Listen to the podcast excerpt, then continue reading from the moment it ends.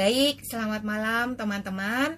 Jumpa lagi dengan saya Pau di Woman uh, with Words 2020 di acara Friday Night Words.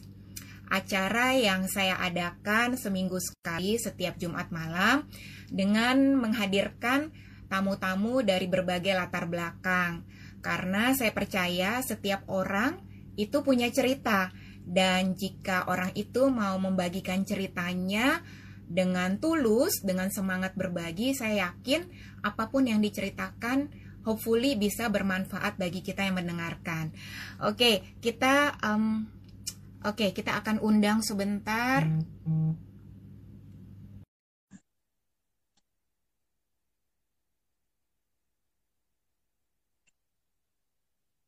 Ya, kita lagi nunggu sebentar. Halo. Semangat malam. Semangat malam. Ini waktu Indonesia bagian barat atau waktu Indonesia bagian Bali? Waktu Indonesia bagian Serpong. Oh, Serpong. Oke. Okay. Oh, oke. Okay. Hai, hai. Ini um, sebelumnya, oke. Okay. Lampunya boleh agak terang atau apa biar teman-teman bisa jelas nih ngelihat muka. Nah, Ini kurang terang ya? Iya. Mungkin begini? Nah, yes, yes, better. Oke. Okay. Sip. Suara juga jelas ya. Oke, teman-teman perkenalkan di sini ini uh, teman ngobrol kita selama satu jam ke depan namanya Michael Suharli. Jadi kalau saya boleh cerita singkat versi saya, jadi Michael ini adalah uh, orang yang bertanggung jawab menjebloskan saya untuk uh, terjun di uh, dunia organisasi kampus. Jadi ini kakak kelas saya dulu waktu di kuliah. Terus uh, apa ya beliau ini dari dulu yang saya tahu sangat menginspirasi banyak orang terutama diri saya gitu. Makanya uh, apa ya nanti kita dengerin ceritanya kenapa saya bilang begitu. Makanya jadi saya kepikiran oh ini adalah salah satu tamu yang ingin saya undang di acara uh, Woman with Words di Friday Night uh, Words ini supaya hopefully teman-teman juga bisa kecipratan energinya, bisa dapetin juga pengalaman dan inspirasinya. Oke, okay. nah jadi kita hari ini, Mike, aku mau thank you dulu. So thank you for saying yes. Walaupun udah yeah. harus waiting listnya lama ya, Mike, untuk dapetin jadwal Michael ya. Gak usah diceritain. Oke oke. Tapi biasanya gitu. Kalau orang orang yang memang banyak kerjaannya itu waiting listnya memang penuh gitu. Jadi saya bersyukur sekali akhirnya dapat kesempatan buat ngobrol-ngobrol sama Michael. Mike, apa kabarnya? Kabar selalu winner. Thank you sudah bertanya. Oke, luar biasa. Saya nggak ditanya balik. Uh, Sis Pau gimana kabarnya di sana? Oh, luar biasa. Gimana pekerjaan sekarang aktivitasnya apa? Oh, kebalik. Itu nanti sesi berikutnya. Oh, kebalik ya? Iya, jangan jangan oh. lupa peran ya. Hari ini Anda Oke, okay, baik. Oke. Okay. Ini ada teman-teman juga yang sudah join, ada Miss Betty, ada Hana, thank you for joining, ada Rosa tadi juga selamat malam semua teman-teman, selamat Jumat. Uh, kita akan ngobrol santai ke depannya, santai tapi bermakna hopefully.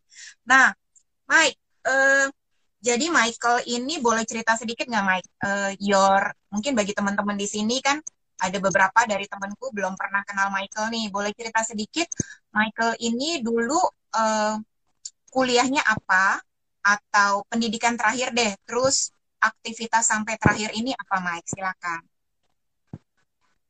Oke, Selamat malam, semangat malam teman-teman semua, sahabat IG Woman with Words 2020. Semoga tetap semangat di akhir pekan dan saya senang sekali dapat diundang kepada acara ini oleh Sispau. Uh, ini adik kelas yang sangat membanggakan dan menginspirasi kakak kelasnya.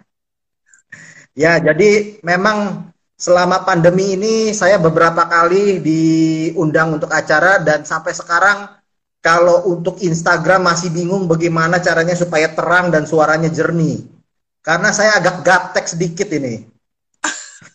Oke, okay. teman-teman semua, Sispau ya, nama saya Michael Suharli, tulisannya Michel Suharli. Ya. Jadi ternyata tahun 77 yang memberi nama itu bukan hanya orang tua, tetapi juga petugas catatan sipil.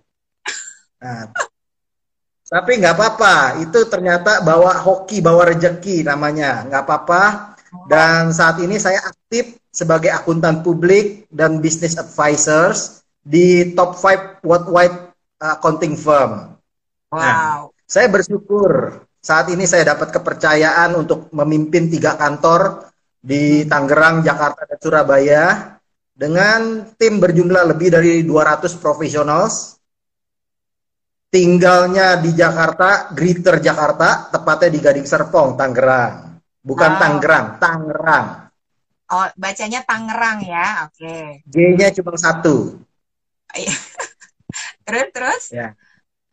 Saya lulus uh, dari alma mater yang sama dengan Sispau dari kampus Hati Nurelni, Unika Atmajaya, Jakarta.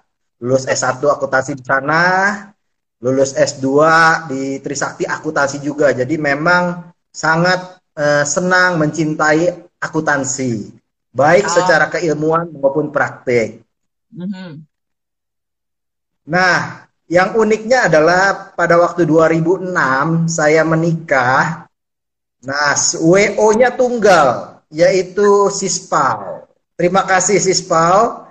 Hasil hasil pernikahan kami dianugerahi dua pangeran yang kedua namanya inisialnya adalah Emas. E M A S. Nah, Oke. Okay. Kira-kira itu perkenalan singkat dulu Miss Pau. Baik, baik. Oke. Okay. Uh, eh, itu perkenalan singkatnya singkat tapi sangat mendalam nih. Nah, menarik banget tadi uh, Michael sempat ngomong tentang kecintaannya dari pendidikan terus tetap dipraktekkan sampai sekarang di bidang akuntansi. Betul ya. Nah, uh, ngomong-ngomong soal pekerjaan, tadi Michael sempat ngomong uh, punya tim profesional sekitar 200 orang. Nah, oke. Okay. Betul. Kalau ini ini coba tolong dikoreksi ya Mike ya kalau misalnya apa yang saya amati ini kurang tepat. Kalau pengamatan saya pandemi corona ini kan kurang lebih udah sekitar satu semester ya kalau kita ngomong pakai angka satu semester ya kayak kuliah nih. Betul. Uh, Betul. Ya itu itu senilai berapa SKS saya juga nggak tahu tapi kurang lebih udah satu semester. Ya, nah, ya, 20 sampai 30 SKS lah. Oke, oke.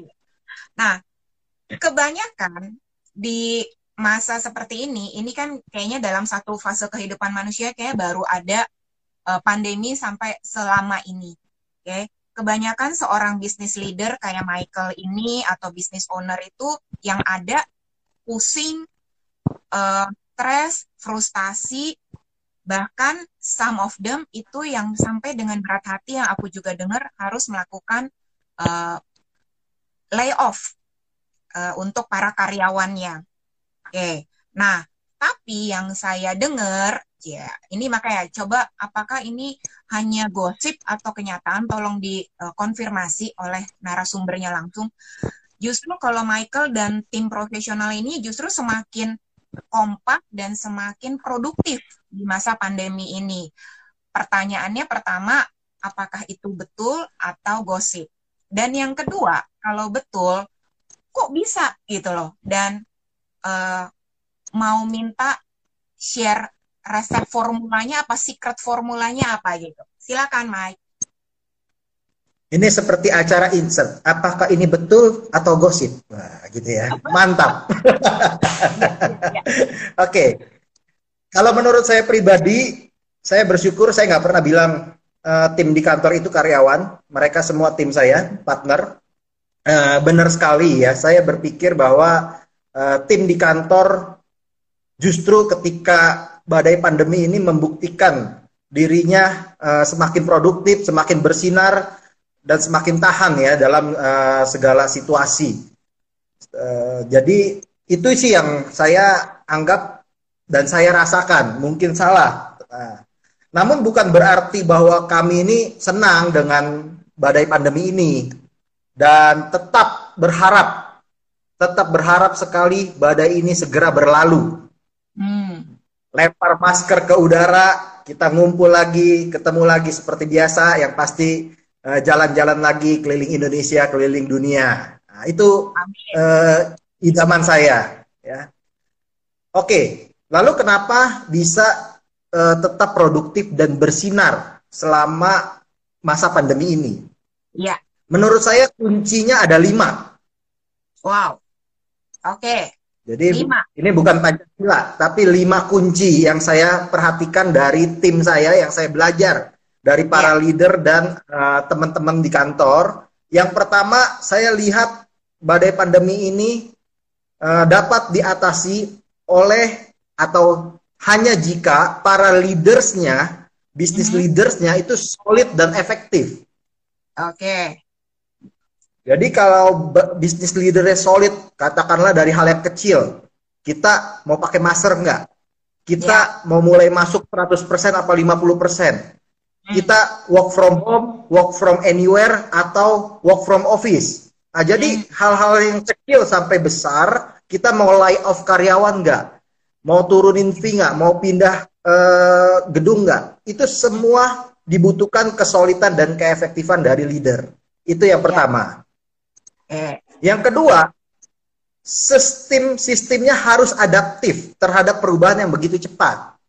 Jadi sistem kata kuncinya. Kata pertama adalah leader, yang kedua adalah sistem. Artinya kita harus bikin sistem yang bisa mengantisipasi setiap perubahan. Okay. Awalnya PSBB sampai sekian.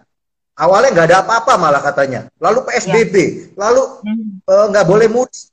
Eh besok dibilang bukan tidak boleh mudik, mudiknya ditunda. Jadi perubahannya terlalu cepat. Nah, ya. sistem ini harus bisa katakanlah uh, dari awal kita sudah menerapkan absen dengan uh, aplikasi hmm. yang sudah tahu di mana anak-anak uh, kita ada di mana gitu ya. Kita sudah menerapkan uh, rapat melalui Skype, Zoom, MS Team, Hangout uh, bulan awal tahun. Jadi belum belum ditutup waktu itu, masih belum ada apa-apa katanya Indonesia. Jadi sistem itu uh, kita harus ciptakan. Yang ketiga, leader udah, sistem udah. Yang ketiga adalah tim. Tim. Tim ini harus terkomunikasikan, terbangun sense of crisisnya, rasa untuk kita lagi krisis nih. Uh, ya. Kalau bisa berhemat kita berhemat. Kalau nggak bisa berhemat minimal kalau nggak bisa berhemat minimal kita tidak turunkan produktivitas, kita tidak turunkan layanan.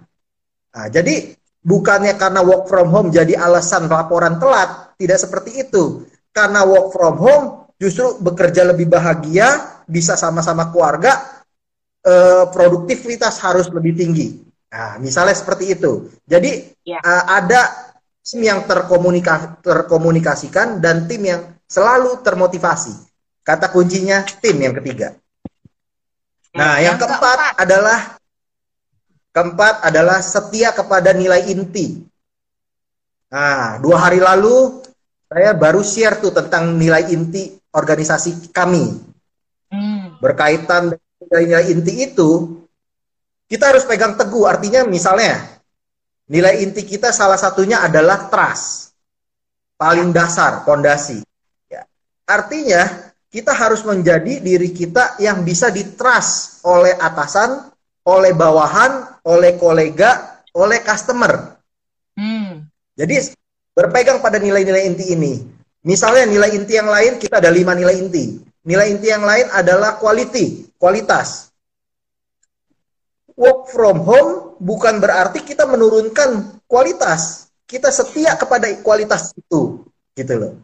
Okay. Jadi kata kuncinya nilai inti yang keempat dan itu kita harus setia. Oke. Okay. Terakhir.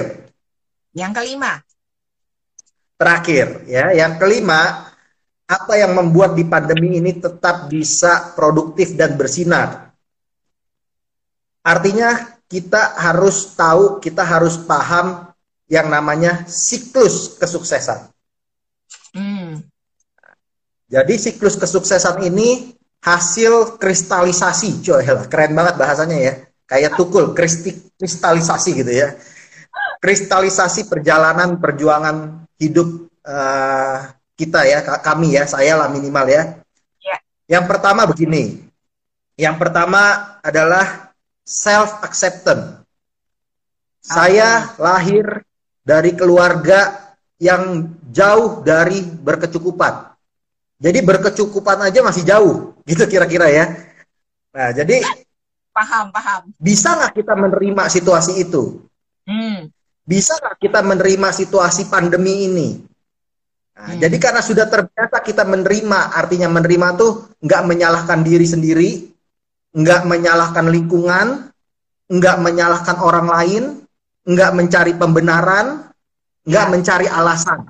Nah, artinya kita menerima dan kita mengambil tanggung jawab sukses atau tidak, bahagia atau tidak, itu adalah tanggung jawab pribadi saya sendiri. Bukan ya. tanggung jawab atasan saya, bukan tanggung jawab uh, pemerintah saya. Jadi yang pertama self acceptance.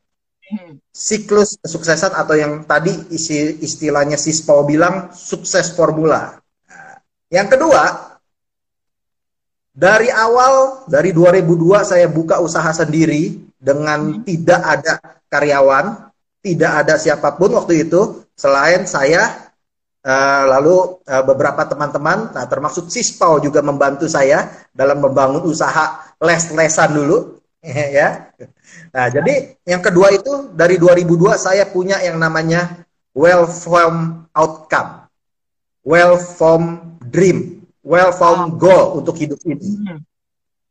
Jadi kita udah menuliskan, saya sudah menuliskan dan merumuskan, saya mau jadi apa di masa depan, umur 30, umur 40, umur 50. Saya sudah punya itu semua di tahun 2002. Hmm. Nah, kalau kita sudah punya gawang, kita nggak akan buang-buang waktu capek lari sana lari sini, tidak terarah tapi gawang memberi kita arah kita mau ke mana gitu loh. Ya. Nah, jadi hmm. yang kedua punya goal, punya well form outcome yang kita udah susun. Hmm. Siklus kesuksesan yang ketiga udah ya. menerima self acceptance, udah kita punya tujuan, saya mau ke arah sana. Yang hmm. ketiga adalah aksi yang konsisten. Konsis oh. Consistent action. Hmm. Artinya gini, saya mau jadi akuntan, tapi saya kerjanya jadi marketing, nggak pas. Saya mau jadi marketing, saya kerjanya akuntan, tidak pas. Jadi dari awal sudah ditentukan ke mana dan action kita harus seperti sana. Action itu apa? Ya aktivitas hari-harinya, belajarnya, ketemu orang-orangnya, semua ya. diselaraskan menuju tujuan. Mm -hmm. Itu yang ketiga. Keempat, dari siklus kesuksesan itu adalah inovatif flexibility. Artinya luas. Oh, luas okay. itu artinya kita tidak boleh menurunkan, menawar kita punya impian, kita punya goal, kita punya dream. Oh, nggak Tapi boleh kita boleh, ya? nggak boleh, nggak boleh diskon, nggak boleh turunkan, naikin boleh. Tapi kita boleh rubah caranya. Hmm. Karena pada waktu 2002 saya caranya salah. Maka 2008 saya rubah caranya. Hmm. 2008 caranya menghasilkan 5. Tahun 2012 saya rubah lagi sehingga hasilnya 15. Wow. 2015 saya rubah lagi caranya. Hasilnya menjadi 25. Dan ah, 2017, 2019 saya rubah terus caranya. Artinya saya luas dalam hal cara, dalam hal strategi. Oke. Okay. Nah, inilah yang kita uh, perlukan dari siklus kesuksesan. Dan terakhir, dari siklus kesuksesan yang kita perlu tahu dan kita perlu terapkan, ya. itu adalah passionate. Hmm. Passionate, antusias ketika kita melakukan aktivitas, kita melakukan pekerjaan kita saat ya. ini dan perjalanan, ya perjalanan menuju tujuan, hmm. itu kita passionate kita semangat. Nah, ternyata hidup itu tidak linier. Oh. Ketika kita mau sampai tujuan, ada aja jalan pilihan jalan dua tiga cabang dan sebagainya kita harus memilih. Dan hmm. mungkin saja pilihan kita itu salah. Mungkin saja kita ada jatuhnya. Mungkin aja ada hambatan yang begitu besar di depan kita. Hmm. Nah, kembali ke nomor satu, self acceptance, terima ya. saat itu, terima dulu, syukuri dulu, sambil berpikir lagi, merumuskan tujuan yang tadi sudah dirumuskan masih relevan atau enggak. Ya. Dan terus balik, bisa sampai satu jam kita bicara, saya ngomong satu dua tiga empat lima satu dua tiga empat lima nih ntar. Kira-kira gitu, Sispal. Bentar ya. Oke, oke. Yes. Baik. Uh, tahan di sana dulu. Kita mau menyapa teman-teman yang sudah mulai hadir di IG Live ini. Selamat malam, ada Roy. Lalu uh, welcome ada To Erwin, ada ini juga ada mama saya yang selalu setia setiap Jumat malam ini nonton, uh, dengerin kita. Malam, ada Tante. ada Rifan juga, ada Awe Aweya Rolius, terus ada Ma Maria Olivia. Halo, selamat malam, salam kenal. Lalu ada Rose, Itu ada mami Mama saya. Oh. Mami mertua. Halo, halo, halo Mamer, apa kabar Tante? Oke. Okay. Terus juga ada Henny Apollonius, ada teman-teman yang lain juga tadi. Oh, ini ada Apak saya juga nonton juga nih pendengar setia saya. Terima kasih teman-teman yang sudah hadir. Jadi ini teman saya, kakak kelas saya namanya Michael Suhardi. Uh, pengusaha, leader yang menurut saya sangat inspiratif. Jadi saya nggak ngomong sukses ya, karena sukses itu kan uh, terlalu luas ya. Tapi bagi saya pentingnya uh, seorang leader itu harus bisa menginspirasi dan bisa menduplikasi nih nilai-nilai uh, yang bagus yang sudah bagi dia sudah berhasil dia terapkan dia duplikasiin ke tim-timnya menurut saya itu adalah satu sifat uh, seorang leader yang patut kita contoh. Dan itu uh, kenapa salah satu alasan saya mengundang Michael ini untuk berbagi ceritanya. Dan tadi pertanyaan pertama saya sudah dijelaskan dengan sangat uh, sungguh jelas dan sistematis belum karena beliau ini juga dosen. Jadi jawabannya sangat sangat sistematis. Uh, jadi tadi pertanyaan pertama adalah so, uh, mungkin bagi teman-teman yang baru join di masa pandemi ini banyak bisnis owner, bisnis leader ini frustasi, negative thinking tentang masa depan company-nya bahkan sampai harus melakukan layoff terhadap para karyawannya. Tapi ini tidak berlaku di uh, perusahaan yang uh, Michael dan timnya uh, lakukan sekarang. Justru terbangun justru uh, apa ya suasana kerja yang sangat produktif kalau saya bayangin tuh kayak orang main sepak bola kali ya justru malah seru uh, kreatif cari cara lagi supaya bisa masukin bola di gol yang udah di depan mata itu gitu ya Mike ya nah betul uh, banget betul nanti teman-teman yang mungkin uh, tadi nggak ikut dengerin dari awal ini akan ada saya save di IGTV dan nanti akan di podcast jadi bisa dengerin berulang-ulang kali karena menurut saya poin-poinnya tadi udah sangat jelas dan menarik untuk kita dengarkan lebih uh, ulang lagi. Pertanyaan selanjutnya Mike. Kan tadi kalau dengerin Michael ini kan kayaknya full of energy ya Mike ya. Uh, ini nggak tahu nih. Per, cuma pertanyaan iseng aja. Sebenarnya dan actually ada kaitannya sama topik kita malam hari ini. Unleash your energy. Jadi kalau di bahasa Indonesia itu kan unleash tuh melepaskan energi kita. Tentunya kita ngomong tentang energi yang positif dalam hal ini. Sama yang kedua adalah be the light. Korelasinya kaitannya dengan pengalaman Michael selama bertahun-tahun as a business leader. Dari mana sih Mike you get all those energi positif itu uh, dan ya itu dulu deh jawab itu dulu nanti kebanyakan pertanyaannya boleh sharing nggak? Okay. Karena kan orang betul karena kita suka bilang nih, ah masa sih ada orang positif terus sih? Ah kayaknya terlalu mengada-ngada deh, idealis banget deh. Kalau from kalau dari sisi sudut pandang Michael, gimana Mike? Oke, jadi kalau bicara tentang energi, hmm. energi saya pertama-tama berasal dari bawaan orok diri sendiri. ya. Oke. Okay. Artinya Uh, karena saya sering uh, membaca, sering mendengarkan, mengikuti acara-acara segala, segala macamnya itu, saya menjadi terobsesi, terobsesi untuk bergerak, bukan untuk hmm. menjadi sesuatu, bukan untuk ambisi sesuatu, tetapi terobsesi untuk bergerak. Bergerak ke mana? Bergerak menjadi pribadi yang berguna. Hmm. Nah, jadi karena ingin menjadi pribadi yang berguna, ini kalau kata Mam Darling, ya, sis Macy gitu ya, ini nggak bisa diam ini anak, gitu loh ya. Nggak tahu kenapa akhirnya dari dari uh, dari ada advis ini advis itu, udah dah terserah deh mau ngapain, gitu ya kira-kira ya.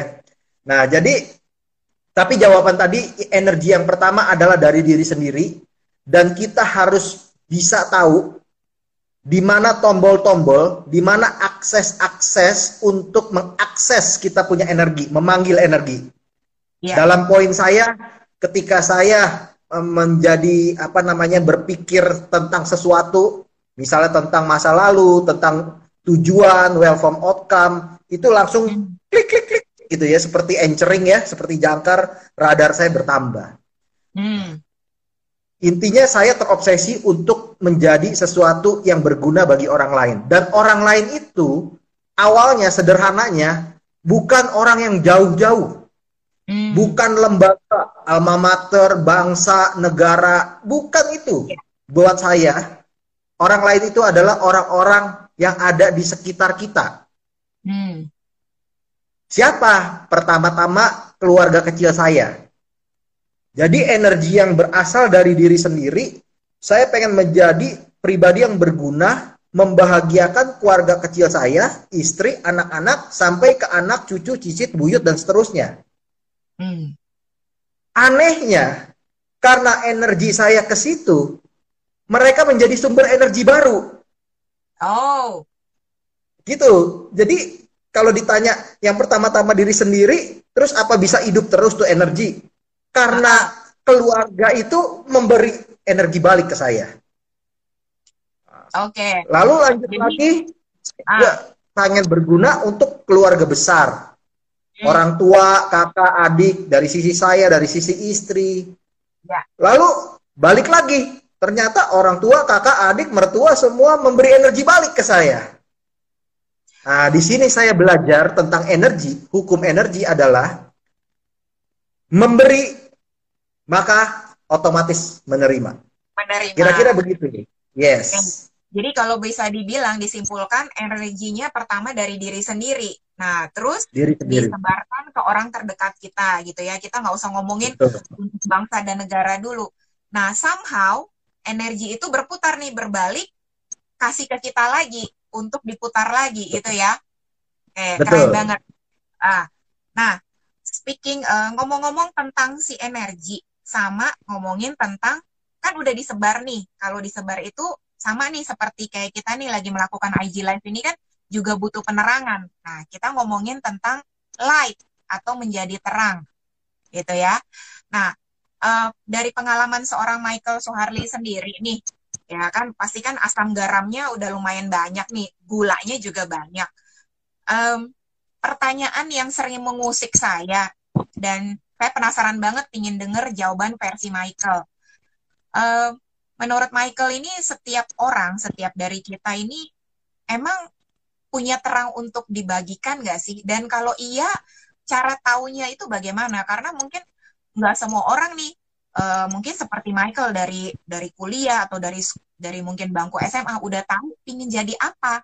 Nah, sedangkan mungkin masih banyak teman-teman kita yang sampai sekarang bahkan masih gagal paham nih sama dirinya sendiri, apalagi mau mikir bagi-bagiin terang gitu loh, Mike. Gimana menurut yeah. Michael? Menurut saya begini, saya kalau bicara tentang itu tidak bisa lepas dari apa yang saya yakini apa yang saya imani. Hmm. Waktu pada saat masih kecil dulu, misalnya sekolah minggu, burung pipit yang kecil, bunga bakung di padang, sem semua disayang Tuhan, dikasihi Tuhan. Nah, gitu ya kira-kira ya. ya. Terus ya. lagi, saya percaya, saya yakin kita semua ini uh, diciptakan untuk menjadi berguna. Hmm. Artinya apa?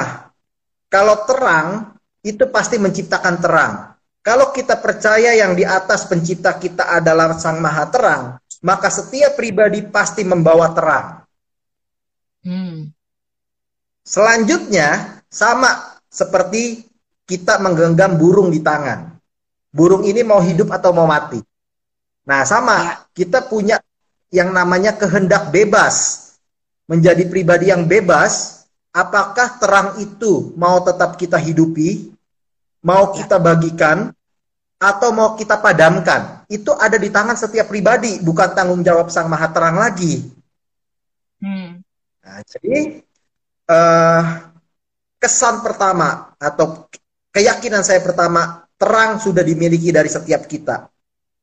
Oke. Okay. Dan selanjutnya, apakah kita mau membagikan terang itu? Jangan lupa, kegelapan itu tidak ada.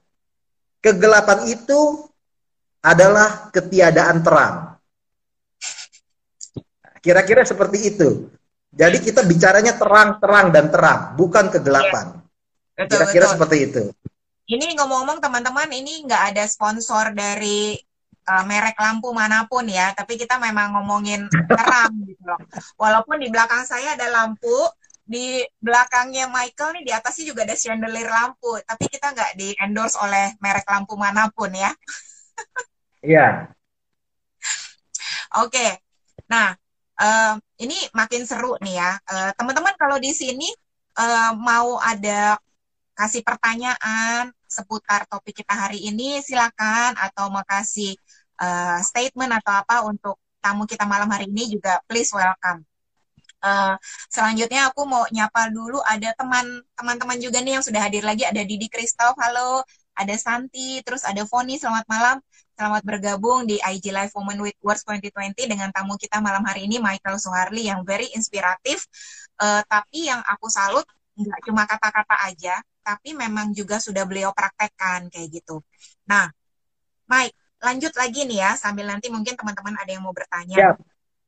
Uh, apa ya tadi kan udah cerita ngomongin soal energi asalnya dari mana terus soal pendapat Michael tentang terang itu bahwa setiap orang tuh sebenarnya ada uh, dengan dengan bahasa yang sederhana mungkin boleh saya artikan bahwa uh, semuanya itu kita memiliki terang nih tinggal uh, kita punya kehendak bebas kita mau terang itu mau kita diamkan saja lama-lama kalau baterai ini uh, apa kayak center lama-lama kan habis ya. Nah, atau kita punya kehendak bebas, kita gunakan terang itu, kita sebarkan. Itu ya, maksudnya seperti itu. Nah, eh, tadi aku ingat Michael ada cerita tentang bahwa Michael itu bukan eh, eh masa masa kecilnya atau eh, dulu ya, itu sebenarnya eh, jauh dari apa? Kata-katanya tadi kekurangan ya. Berkecukupan. Jauh dari berkecukupan. Nah, ya. boleh cerita nggak ke kita, uh, ada nggak satu life changing moment, satu aja, mungkin pasti banyak, tapi satu yang paling berkesan buat lo Mike, yang sampai uh, membentuk lu menjadi seperti seorang Michael hari ini nih yang tahu tujuannya mau apa, bisa memimpin tim segitu banyak tim profesional, bisa menjadi kepala keluarga yang konsisten, penuh pelayanan. Uh, ada nggak satu yang bisa share ke kita cerita itu? Kalau yang paling sebenarnya nggak ada, tapi kalau satu ada karena banyak, gitu ya? Oh, ya, ya. boleh, boleh, boleh. Jadi begini, uh, oleh karena saya dulu itu uh, tinggal di Parung bersama paman. Oh, bersama paman. Parung itu yang terkenal duren. Iya betul, ya duren Parung, ya. Oh. Nah, perjalanan menuju Bogor lah. Oh, Oke. Okay. Sekolah SMA uh, dan kuliah di Atmajaya, berarti di Jakarta. Hmm. Nah, saya punya paman, ini salah seorang uh, mentor dan juga sangat berjasa lah untuk saya karena beliau membiayai kuliah saya, membiayai sekolah hmm. saya. Ya. Beliau bilang kira-kira uh, kalau you sekolah tinggi-tinggi, you sekolah pinter-pinter, you harus bisa punya usaha sendiri supaya buat bantuin orang lain. Kira-kira seperti itu. Bukan cuma hanya ajaran, paman saya bikinin saya dua usaha sekaligus pada waktu saya kuliah. Oh. Tahun 96 97. Hmm. Saya dibikinin satu adalah kafe. Jadi kalau kafe-kafe, iya kafe, kafe-kafe itu baru semarak sekarang. 97 saya sudah dibikinin kafe. Nah, uh, selain kafe, saya juga dibikinin yang namanya uh, dealer motor. Oh, oke, okay. dealer motor. Saya memimpin dua dealer motor. Saya pimpin dua usaha itu sambil kuliah. Hmm. Nah, tahun 98 terjadilah kerusuhan. Ya. Terjadi kerusuhan. Jadi hmm. itu kan satu komplek. Di sini toko bangunan paman saya, di sini kafe, di seberang jalan uh, saya punya showroom. Habis dijarah. Oh, Yang dijarah adalah saya punya usaha dua. Showroomnya dengan kafe Toko bangunannya tidak dijarah. Karena paman saya banyak uh, dikenal dan bantu orang banyak sekali di situ. Jadi mereka tahu itu punya paman, jadi tidak dijarah. Tapi yang saya punya nggak kenal punya siapa, gitu dijarah. Saya sebel, sebel, kecewa, marah, sedih. Oh. Nah, karena semua habis dijarah, uh, lalu saya memutuskan meresponnya dengan aktif berorganisasi. Oh, gitu. Saya oh, masuk organisasi mahasiswa. Saya sering menghabiskan waktu di jalan dari tahun 98 99 demo sampai akhirnya demo selesai Bapak Dekan, Babe kita, ya Babe Sofian bilang, mm -hmm. "Mike, yuk jangan teriak-teriak mulu di jalanan. Yuk teriak di ruang kelas." Akhirnya saya ditarik jadi asisten dosen tahun 99. Oh, oke, okay, oke. Okay. Dan saya mengajar 15 tahun uh, menjadi dosen sebelum akhirnya fokus benar-benar bisnis. Nah, hmm. mungkin itu salah satu titik balik. Hanya salah satu, yang lain banyak titik baliknya. Tapi itu salah satu titik balik yang membuat Michael dari pemalu jadi malu-maluin seperti sekarang. Oh, ya, jadi dulu. Oke, oke. Okay. Ini ini ada satu fakta menarik, teman-teman, karena waktu saya udah kenal Michael ini uh, itu nggak ada pernah kata pemalu sih gitu. Berarti dulu pemalu ya, sampai akhirnya malu-malu. Pemalu, penakut, imut-imut. Oke oke oke. saya saya nggak mau berdebat berdebat soal itu deh ya. Oke oke. Nah, jadi boleh dibilang salah satu life changing moment dari sekian banyak peristiwa yang pastinya berkesan dalam kehidupan seorang Michael bahwa um, ya itu balik lagi kalau kita selalu dalam satu kondisi kita bisa punya pilihan nih kita mau komplain misalnya marah nih ya sama sama dunia. Kenapa? Kok dua bisnis gue yang dikena nih kena jarah habis-habisan. Padahal kan ini lagi momen-momennya gue mau uh, membangun bisnis nih lagi semangat semangatnya gitu kan. Tapi justru Michael waktu itu punya pilihan punya kehendak bahwa gue mau menggunakannya ini untuk sesuatu yang positif. Energinya itu bukan buat marah buat uh, mengeluh tapi untuk ke hal-hal lain yang juga positif gitu bahkan jadi akhirnya ditarik oleh dekan untuk ngajar gitu kan dan menjadi panggilan hidup ya untuk selama 15 tahun Oke, luar biasa. Nah, ini ada sebentar, ada yang tanya sebentar. Oh, oke. Okay. Jessica, 15 tahun mengajar, tiba-tiba rubah haluan, itu apa yang memutuskan langsung banting setir? Karena uh, langsung banting setir itu, yes, memang nggak mudah. Michael, boleh kasih statement sedikit nggak tentang uh, ini nih, pertanyaan ini dari Jessica? Thank you Jessica atas pertanyaannya. Jadi yang mesti uh, saya luruskan adalah saya mengajar part time. Part time itu artinya bukan full time, bukan pekerjaan utama. Jadi uh, setelah lulus saya masih bekerja sama orang dua tahun hmm. sebagai auditor. Nah lalu tahun 2002 saya lulus 2000. 2002 saya sambil kuliah lagi S2, saya membuka dua usaha sekaligus. Les-lesan bimbel dengan kantor konsultan. Nah, bimbel ini salah satu tokoh utamanya adalah Sispau yang membantu saya. Terima kasih. Dan gagal. ya, artinya kita gagal waktu itu. Harus saya akuin. Di iya. sisi konsultan, saya tidak punya karyawan. Saya karena saya ngajar, waktu itu saya menggunakan uh, jasa dan bantuan dari mahasiswa-mahasiswa terbaik. Percaya atau tidak, mahasiswa-mahasiswa terbaik saya adalah angkatan 99. Itu Sispau punya angkatan. Ada David, ada Ade Sepliati, uh, banyak sekali ada Diana ya dulu ya. Uh, jadi itu saya nggak tahu itu ada ada kelas yang so brilliant dan hebat banget waktu itu gitu ya. Jadi saya konsultan accounting service, pajak, audit itu 2002 dengan teman-teman mahasiswa. Nah, akhirnya saya punya uh, karyawan itu sejak 2004 tepatnya. Itu hmm. karyawan pertama. Lalu tapi uh, ngajar saya itu tambah banyak. Jadi konsultannya masih kecil, ngajarnya tambah banyak. Nah, ngajarnya tambah banyak ini, ngajar ini yang menjadi modal untuk merit. Kira-kira begitu, ya. Nah, jadi mengajar ini berjasa dan saya senang sekali ketika uh, ngajar karena itu uh, sampai sekarang juga panggilan hidupnya sebenarnya tetap ngajar, tapi ngajar di kantor, ngajar anak-anak saya di kantor menjadi leader, gitu loh. Hmm. Jadi uh, bukan banting setir, melainkan itu menjadi sesuatu yang membuat saya tidak lepas dari keilmuan, tidak lepas dari passion, bagaimana saya selalu energik dan merasa muda Kira-kira begitu. Oke, oke.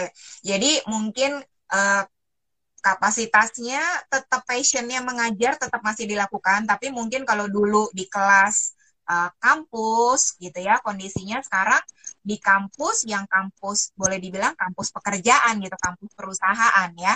Berarti memang tetap namanya inner calling kalau orang punya panggilan untuk mengajar atau apa pun itu mau kata ada tantangan seperti apa pun perubahan zaman tetap pasti calling itu akan tetap dilakukan gitu. Untuk ya itulah membagikan energi dan menjadi terang itu dengan versi kita masing-masing. Calling itu kita melakukannya tanpa dibayar pun semangat. Ya. Itu calling. ya, ya, ya. Oke.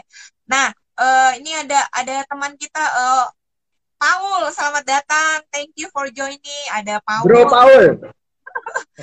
yes. Terus ada Rafael Antonius, ada Priska Mega. Selamat malam, selamat uh, datang di Senior. Oh, oke okay, oke, okay. baik baik. Ya, salam kenal. Nah, Mike, uh, ini nggak terasa nih kita makin mendekati akhir dari sesi IG Live. Sebelum nanti aku minta ada satu kesimpulan dari topik kita malam hari ini. Uh, tapi ada satu pertanyaan nih uh, kalau nggak salah nih lagi-lagi aku mau cross check. Mike lu demen ngopi kan Mike? Hmm. Suka minum okay. kopi. Yes. Nah, uh, misalnya kita berandai-andai kalau uh, sekarang usianya udah di kepala empat dong ya Mike? Kayaknya kalau di KTP begitu, tapi sebenarnya sih nggak begitu dalamnya. Ya nggak apa-apa lah kita ikutin KTP aja. Oke. Okay. Nah, let's say uh, Michael ini diajak ngopi nih Mike gitu di dekat kantor lah ya di sana kan banyak tempat kopi nih nah andai kata nih orang yang ngajak tamu yang ngajak ngopi ini adalah seorang usia yang jauh lebih muda usia 20 tahun jadi artinya berarti kurang lebih dia belum lulus kuliah nih Mike oke kira-kira kalau dikasih kesempatan untuk ngobrol dan ternyata itu adalah seorang Michael Soharli usia 20 tahun.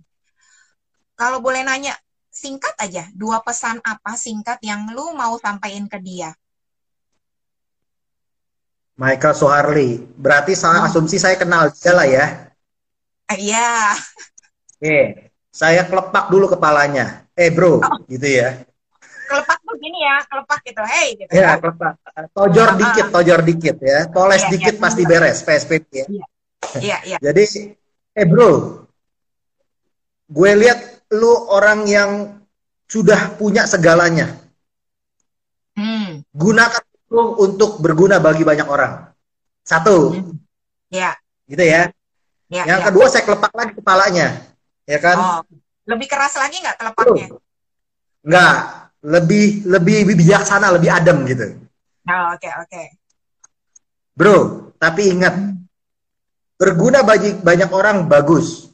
Pertama-tama lakukan dulu sama orang-orang yang satu rumah yang mencintai lo.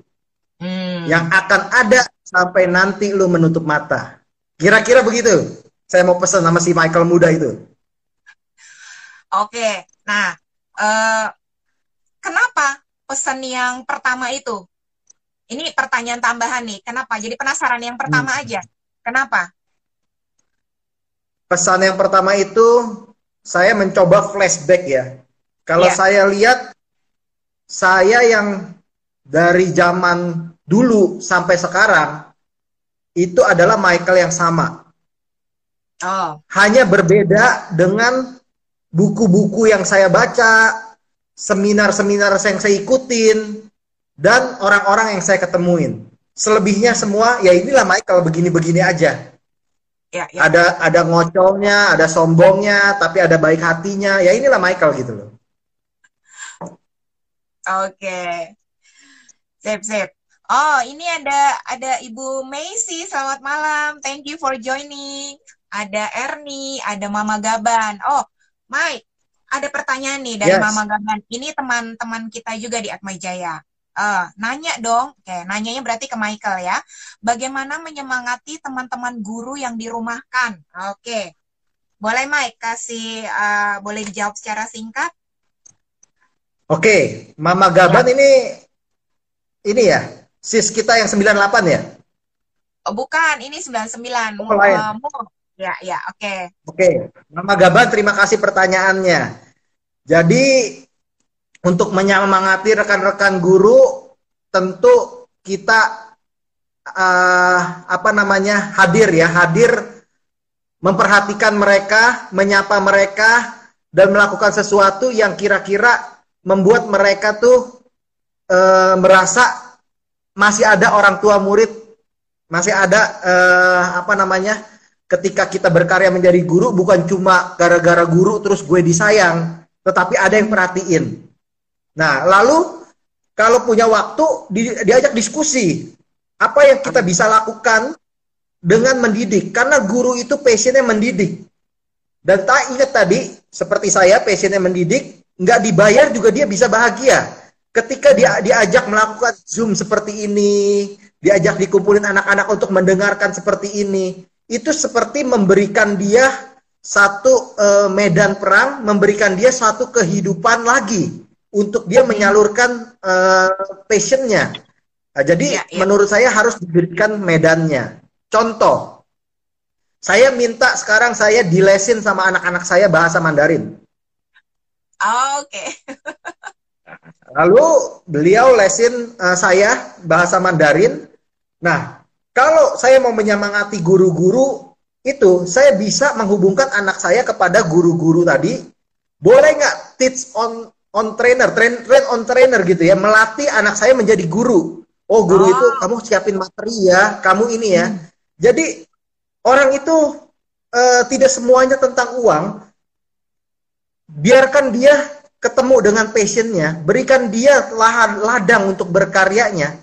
Uang itu ya. mengikuti ketika hati yang berbahagia. Jadi harus dibikin bahagia dulu, termotivasi dulu, segalanya nanti akan mengalir sebagai konsekuensi logis. Jangan dibalik.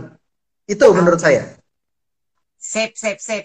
Oke, Mama Gaban semoga uh, cukup jelas ya tadi penjelasannya. Intinya jadinya walaupun mungkin ada beberapa teman-teman guru yang harus dirumahkan, uh, bisa kita semangati dengan kita memberikan apa yang tetap menjadi passion mereka kayak gitu ya. Oke. Nah uh, oke terima kasih teman-teman nih banyak juga yang masih uh, baru hadir juga oke. Terus ada Basili Emiliana halo selamat malam. Ada Ana Jati halo. Ini teman-teman kita juga. Wow oke. Kata Paul nih mantap. Sebentar. Oh mantap my boss Mike selalu jadi lilin yang selalu menerangi ya betul karena uh, dari obrolan kita hari ini nih sampai uh, sampai nanti aku akan minta satu penutup dari Michael. Uh, saya percaya sekali dan saya makin saya pribadi itu makin apa ya?